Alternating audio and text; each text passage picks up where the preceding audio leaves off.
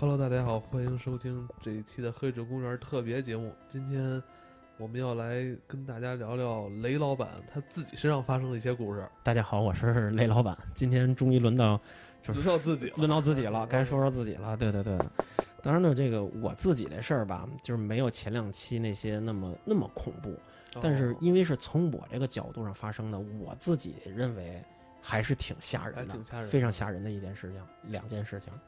嗯，我先讲第一件事吧。先讲第一个。对，第一件事发生在什么时候呢？发生在这个二零一零年。二零一零年那个时候，我已经上班了。上班了以后呢，那个时候呢，冬天啊，我那时候跟我哥们儿，尤其到周末的时候，喜欢。吃个涮羊肉，喝点小酒啊，意思意思，周末也对庆祝一下，轻松一下。对，但是那时候也刚上班，也没买车呢，就是那个时候也是老坐地铁，坐我们这个著名的地铁五号线啊，又回到五号，又回到五号线了。对，那个时候是从宋家庄，因为我哥们家在宋家庄，坐坐宋家庄这个五号线地铁到哪儿呢？到这个天坛东门，我是坐六路，我坐六路，六路回家呢，我们家在在这个湾子。嗯，六路正好到湾子，那时候呢就喝的挺美的，然后那个晕晕乎乎的，挺 舒服的。大冬天的，吃完涮羊肉，呃，倍儿美。然后回家晃晃悠悠的，然后下了车点根烟，然后往家溜达。就在这美的这过程中啊，就到了我们家这个小区的这个后门了，后门了，后门了。然后呢，我记得那天呢，我这抽着烟往前走，然后呢，小区里边没人了，已经就是几点当时十一点多了，快十二点，十一点半了左右。十一月份，大家记住十一月份，十一月那个时候我们家已经供暖了，肯定供暖了，供暖了。然后呢？小区那灯啊，后来改造了一次。那个时候小区灯只能照亮自己，不能照亮别人。对对，你见过吧？就是老旧小区那种，那灯都是自己亮的。对对对。然后只能照亮自己这一片一平米、两平米的地儿。然后远处汇中里不就是？对对。然后远处什么都看不见，乌里麻黑的，对吧？你只能说，比如说旁边这个楼里边、小区里边有人，家里还看着电视、开着灯呢，能照出来点亮来。剩下你什么都看不见，黑了吧唧的。我往前走，挺美的。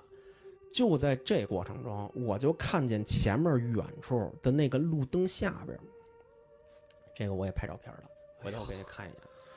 就在那个路灯下边，哇塞，看看见了我呀，真的是不是？你当时还有心思看照片呢？没有，我后来我前两天拍了一张照片，我给你看，看见吗？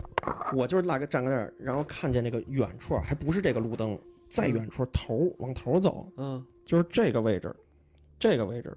嗯，出现了一个什么呀？那因为我距离远啊，我看不清楚，反正穿着一个长袍似的，披头散发，没有脸就那么一个东西，没有脸啊！我当时也是脚底都软了。不是你离他那么远，会不会因为没有看清他的脸？就是因为没有看清楚，没有看清他的脸。其实人家不是这样的，但是当时我的那一个瞬间吓坏了。我看的第一瞬间。这东西没有脸，然后还披着头发冲着我这边，挺远的，就路灯昏昏暗呀。我这烟就掉地上了，掉地上了。我当时呢，酒劲儿都已经醒了，我醒了一多半了。我我我感觉我身上都凉了，就那个风啊都给我吹透了，凉了。然后我就我想哼哼首歌或者说点什么，对，就是就说句脏话，我感觉我那声说出来都是变音的，嗯，那样的。你舌头当时已经都有点短了，短了，舌头已经短了，舌头短了。而且我这脚都麻了，胳膊也麻了。然后，但是我这人体的惯性是在往前走路的，那就其实就是两三秒钟的事儿。我再往前走，再那个时的时候，我发现那女的是长头发，是一女的，她抱着一孩子，孩子在怀里，那孩子的后脑勺冲着我。我这个时候。看清楚了以后，你是不是有点不高兴了？对，你是不是得两句狠话了？这时候，呃，那个时候也没说狠话，反正没说狠话，真没说狠话。那时候可能就是前一两两两秒钟，哎呀，给我吓怂了。再骂，我觉得没没什么必要了。而且人确实抱一孩子，嗯，抱一孩子呢，我就说我这经过吧，我就从他身边走过去。嗯，走过去了呢，我没多想，我想的是，操，有一女的抱一孩子。嗯。自己吓自己嘛，啊，嗯，其实也没什么事儿，就回家了。回家上了楼以后，我就一直脑海里有那事儿，我就一路想，这大姐十一点半了，在深夜里边抱一孩子，那孩子没有声儿，孩子没有声儿，而且她穿的衣服是让我后来回来一身冷汗的，她穿了一挂单的那种特薄的夏天穿的那种睡衣，连衣裙，就那种家里穿的那种特我妈也特爱穿那种，特别薄，就只有夏天才会穿的，嗯就站在那儿，而且他没动会儿。嗯，我后来这都是我回想的，他就是抱一孩子，而且孩孩子一点都没出声，而且这个有疑点啊，首先他穿的衣服不太对，二是在深夜已经很晚很晚了很晚了。第三，谁会在深夜抱一孩子，孩子还不出声？不出声。而且别忘了，当时季节是十一月份，十一月份，对，这个就是我回家的时候，我这洗着澡的时候，我就想这事儿，我浑身都起鸡皮疙瘩。当时尿了吧？哎，可能尿了，可能是尿了，但是也记不住了。呃，而且后来我回忆了一下，我绝对没有看，就是就是眼花呀什么的，因为走到那儿，因为已经在那个路灯底下，他就站在路灯底下，绝对是不是说我看错了？他穿着一个羽绒，因羽绒服跟这种挂单儿的衣服，咱们是能分清楚的。对对对，虽然是我喝多了，但是那时候我真的已经醒了，就我被那前一两秒钟的时候，我已经完全吓醒了，而且出奇的安静到那种，就像你走在大森林里边听不见鸟叫一样，这就是很奇怪的，这个安静是做出来的，就是出奇的安静，你不可能你走到一个人身边，你觉不到一点动静，而且他就你就从他身边过去的。然后我洗完澡，我头我都没擦干净，然后我就回我们家那个窗户那儿，我就往下看，人没了就已经，可能当然了，也可能有二十分钟了吧。是您都都洗完一澡了，都洗完澡，估计他也抱着孩子回家了，回可能也家了，回去了，也可能是。嗯。但是这件事儿真的是给我就也是吓得一够呛啊，挺害怕的这么一件事儿。但是你要说是有点瘆人，他，你要说他可能就是真不怕冷，但是你说你抱着一孩，那孩子特小一孩子，嗯像婴儿，就不是说肯定没什不到一岁，嗯几个月，或者是也就刚出生几个月。嗯，这件事儿就是让我回想起来的时候，嗯嗯，让我感觉到非常害怕的一件事儿。知道你亲身经历的可不光这哎一件事儿啊。哎，我再我再说这另外一件事儿，啊，其实吧，我是不是特别呃碰见过这种事儿？不是那个那么害怕。你也知道，你我一爱喝酒、爱吃肉的这么人，这么壮、这么胖，纹着身，纹着身对阳性挺阳性十足的一个人。阳性十足，我觉得按说我应该是走乱坟岗的都不会有鬼的，因为我阳气重啊。你这是五大三粗的，对我这没有那么糙的一个，人，而且二十多岁人看着长跟四十岁似对的，对对，我这么老练的那么一人，这人家都管我叫大叔的那么一人啊。这件事儿，这第二件事儿发生在哪儿啊？这大第二件事儿是二零一五年的，我忘了是十二月份还是二零一六年一月份的事情了，哦就是非常近的二事。零一六年一，那我咱咱们节目开播的时候，啊，对对对，嗯，这个故事吧，这这也不是什么故事了，就是我早上得上班去，早上得下楼上班。哎，就我们家那电梯就特神，嗯，那早上几点啊？早上得有，哎呦，还说呢，就是因为八点多了，八点那二十。天都大亮了，天都大亮了。这件事儿发生的时候，我就说，你听你听我讲吧，听我讲吧。八点多出了门，八点二十出的门，摁电，我还没摁电梯的时候，这电梯就是一直在往上走。嗯这说明什么呀？有别的层摁了，嗯，因为我没摁呢，它就一直在往上走那。应该你楼上应该有人啊，应该楼上有人摁了，或者至少是我楼下，呃，是比如十九层、十七层左右嗯，他正在他已经走到十几层了，我就嗯我就摁了一下，嗯然后这电梯就一直走到二十层，开门。嗯我一开门，哟，没有人，哎，正好到我这儿，那我估计我楼底下的人摁的，是吧？就被楼底下的人先摁了，然后我才摁的，所以等于是我在二十层，我先到二十层，然后再往下接他去嘛。嗯但是我上了电梯以后，电梯关了门，我摁的一，然后电梯往下走。我早上起来有一习惯，我拿着手机看这个早间新闻、新闻早报，嗯这低着头，因为电梯里没人嘛，我就低着头。然后走了几秒钟，我一看没停，就说明楼底下应该没有人摁，就一直到一层都没人摁啊，就没人没停，就一直到一层停的。嗯这个电梯出事儿是出现这种奇怪的事情电梯到了可能十一层、十层的时候，就是在我耳边，就在我耳朵这儿，就是什么声呢？就是 特别明显的一个，而且就就就站在你耳边，就跟逗你似的，就在那哦，没有没有喘气的感觉，但是声音是，就就是这个声儿，非常清楚这个事儿。我就拿这个手机，我当时是这样低着头看手机，我当时就这么一回头，我一回头，然后我就转了一圈，我傻不愣登在电梯里生转了一圈，因为我以为是什么呢？我以为是我低着头看手机进来以后有人站在角落里，我没看见呢哦。对对，你说这种事儿有可能，有时候我们进电梯，你太注意手机了，对你嗯没看见别的地儿，而且那电梯特小，是一小电梯。一般楼里有一小电梯，有一大电梯嘛，是一小电梯，哦，这不可能啊！我我我有一个人我看不见啊，而且在会不会是这个风扇啊不是什么的那个？一月份他开什么风扇呀？十一月份、一十二月份、一月份冬天的时候，电梯里不开风扇，那你当天这而且谁家风扇是，而且在你耳边上，就在这个迟疑的过程中，就电梯到一层了，哦这门还开了，我哟可以呀、没事儿啊，哦我这这什么意思呀？我就出来以后，出来以后一拐弯，我就看外边儿，我是白天呀，我也没喝多，是白天呀。哦我又看了看电梯里边儿，我其实真应该啊回去，应该找我们小区那个监控录像，把这个录像给调出来。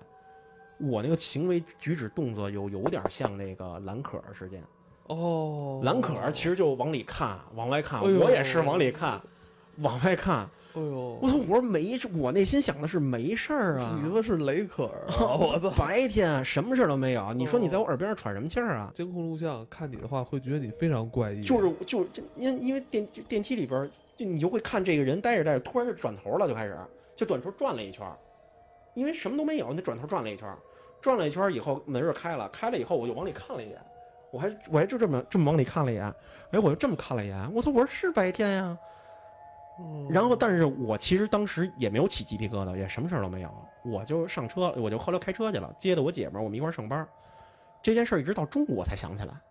就是发生了这么一件事儿，我到中午我才跟我姐们儿说，我姐们儿也说说你是不是听错了别的声儿啊？我说我住这小区，我从两千年住的这小区，住了十六年了，这电梯我都是上下上下都上了十六年了。你在耳你耳边有人给你喘气儿的声儿和别的声你听不出来吗？嗯，而且就在你耳边吹的你，就感觉在你耳边挑逗你那种感觉似的，嗯在你耳耳轮儿这一点，在呃左边这个耳朵那我觉得这事儿还一真呼一吸。不好解释。我觉得你跟别人说，一般别人也都不太会。后来就好长时间，后来我跟我妈说的，那时候有一阵儿精神不太好。后来我儿我我精神衰弱。我小姨就说啊，以后再碰见这事儿啊，你就骂他。嗯，然后后来呢，我我在节目里边反对复教过你很多对对遍嘛，骂就是说脏话。说脏话。第一说脏话，第二呢买俩门神去。后来我们家就贴俩门神。反正我啊，虽然我没看见什么，边上有人吹你这种感觉啊，我觉得特别难受。那一次不太舒服，不太舒服，对被撩了。对，被人撩了，被哥应该是一个女鬼，应该是一个不像是一个汉子干的事儿。对，在耳边这个吹我这事儿，还有吗？呃这还有还有，还有，哎呀，这个就是嗯另外一件事儿，发生在我小的时候。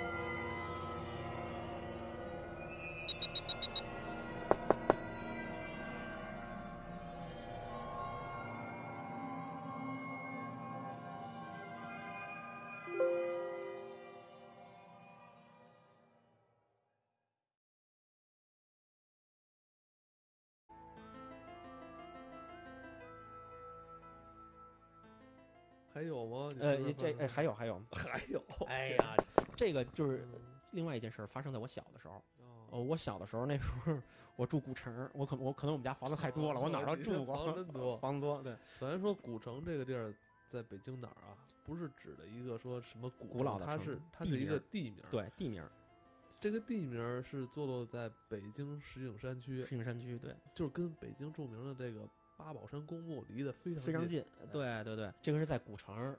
我小时候几年级我忘了，是肯定是小学。小学放暑假的时候，我父母都上班去了，然后为了看我，把我姐姐给接过来了，把我堂姐给接过来了。接过来呢，我白天呢，我堂姐可能也是上初中了，我上小学。她呢，暑假作业就写完了，女孩写得快。我呢，就是磨磨蹭蹭的在家写那暑假作业，我就是一直想玩啊，暑假作业。我姐呢，从这个壁柜里把我爸这个破吉他，我不知道怎么着，把一特别靠里的一破吉他给蹬出来了。哦，你爸的吉他，我爸的够潮的，那个年代的人都爱查琴，呃，查琴，查琴啊哦，就一把特别破的木吉他。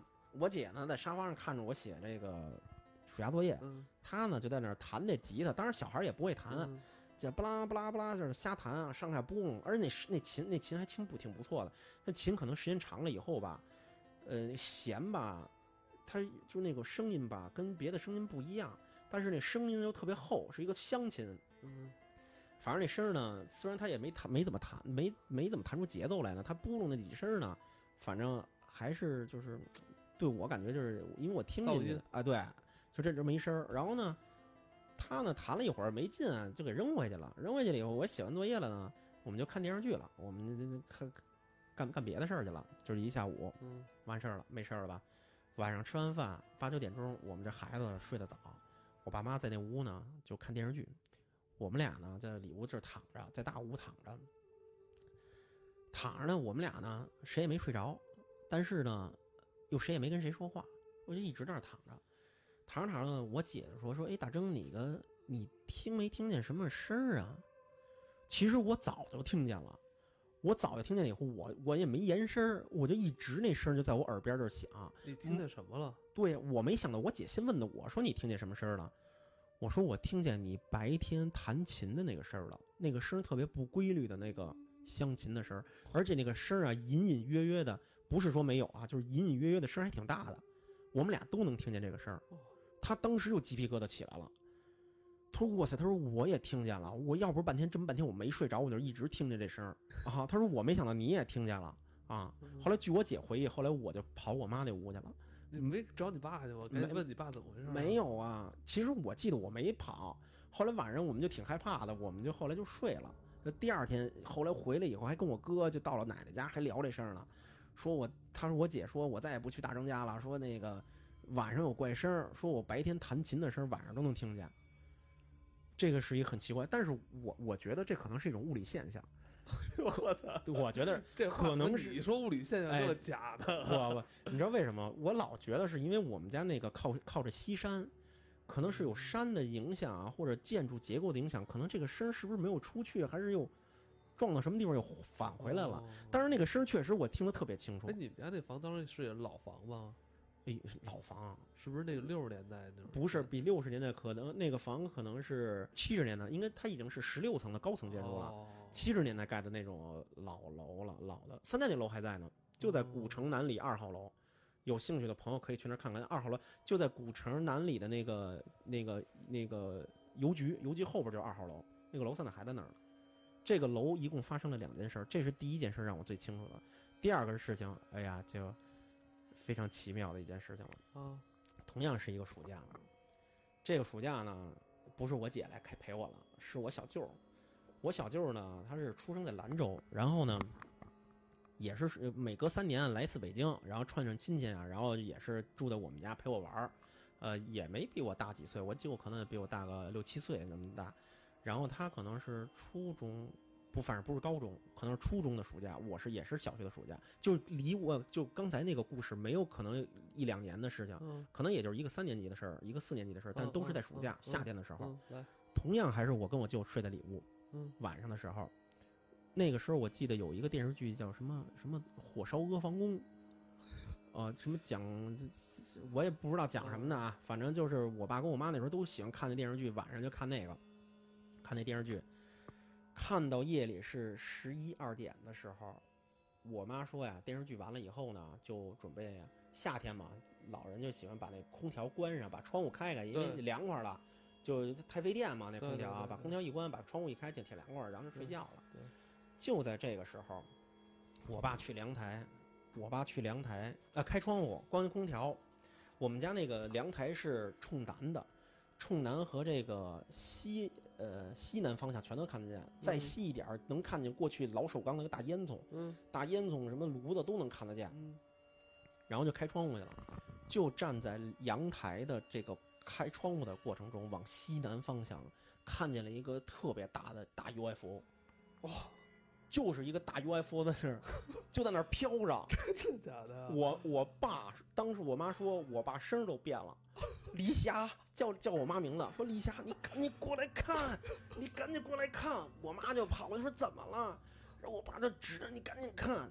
我妈形容说是她过去的时候有这么大，就是你有一个脸盆啊，一个脸盆，你拿在搁在这个脸的这个位置，啊，一个普通脸盆这么大的位置，就天上挂一这么玩意儿，而是一大草帽，那儿转着，亮着光，一个草帽型的，在那儿转。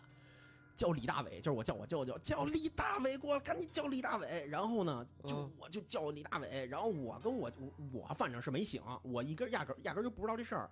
我舅呢，舅呢就醒了，说怎么了？说赶紧过来来阳台。然后呢，我就赶紧看看那飞碟。然后呢，我舅舅找眼镜儿，眼镜儿倒了 找眼没了找找他妈眼镜儿，找眼镜儿呢，就跑过连滚带爬跑过来的时候，我我舅后来前两天我问我舅，我说你还记不得？他说记得。他说那天就是因为我跑过去的时候，可能已经晚了，时间已经长了。说那个我妈过去的时候有一个脸盆的，等我舅再过去的时候，他就往这个远处就那么走了，就越走越小，越走越小了。说你爸当时跟我，我就跟我说，说你爸当时就给我指着，就指着那个，但是因为我舅我那时候没找着眼镜，他也没看清楚。他说，我说那你最终看没看见？他说没看见，但是可能因为太远了，因为你爸就一直指着那个方向。然后我我就说我妈，我妈都看见了，就一直看这东西就越来越小，越来越小，一个大草帽形状的。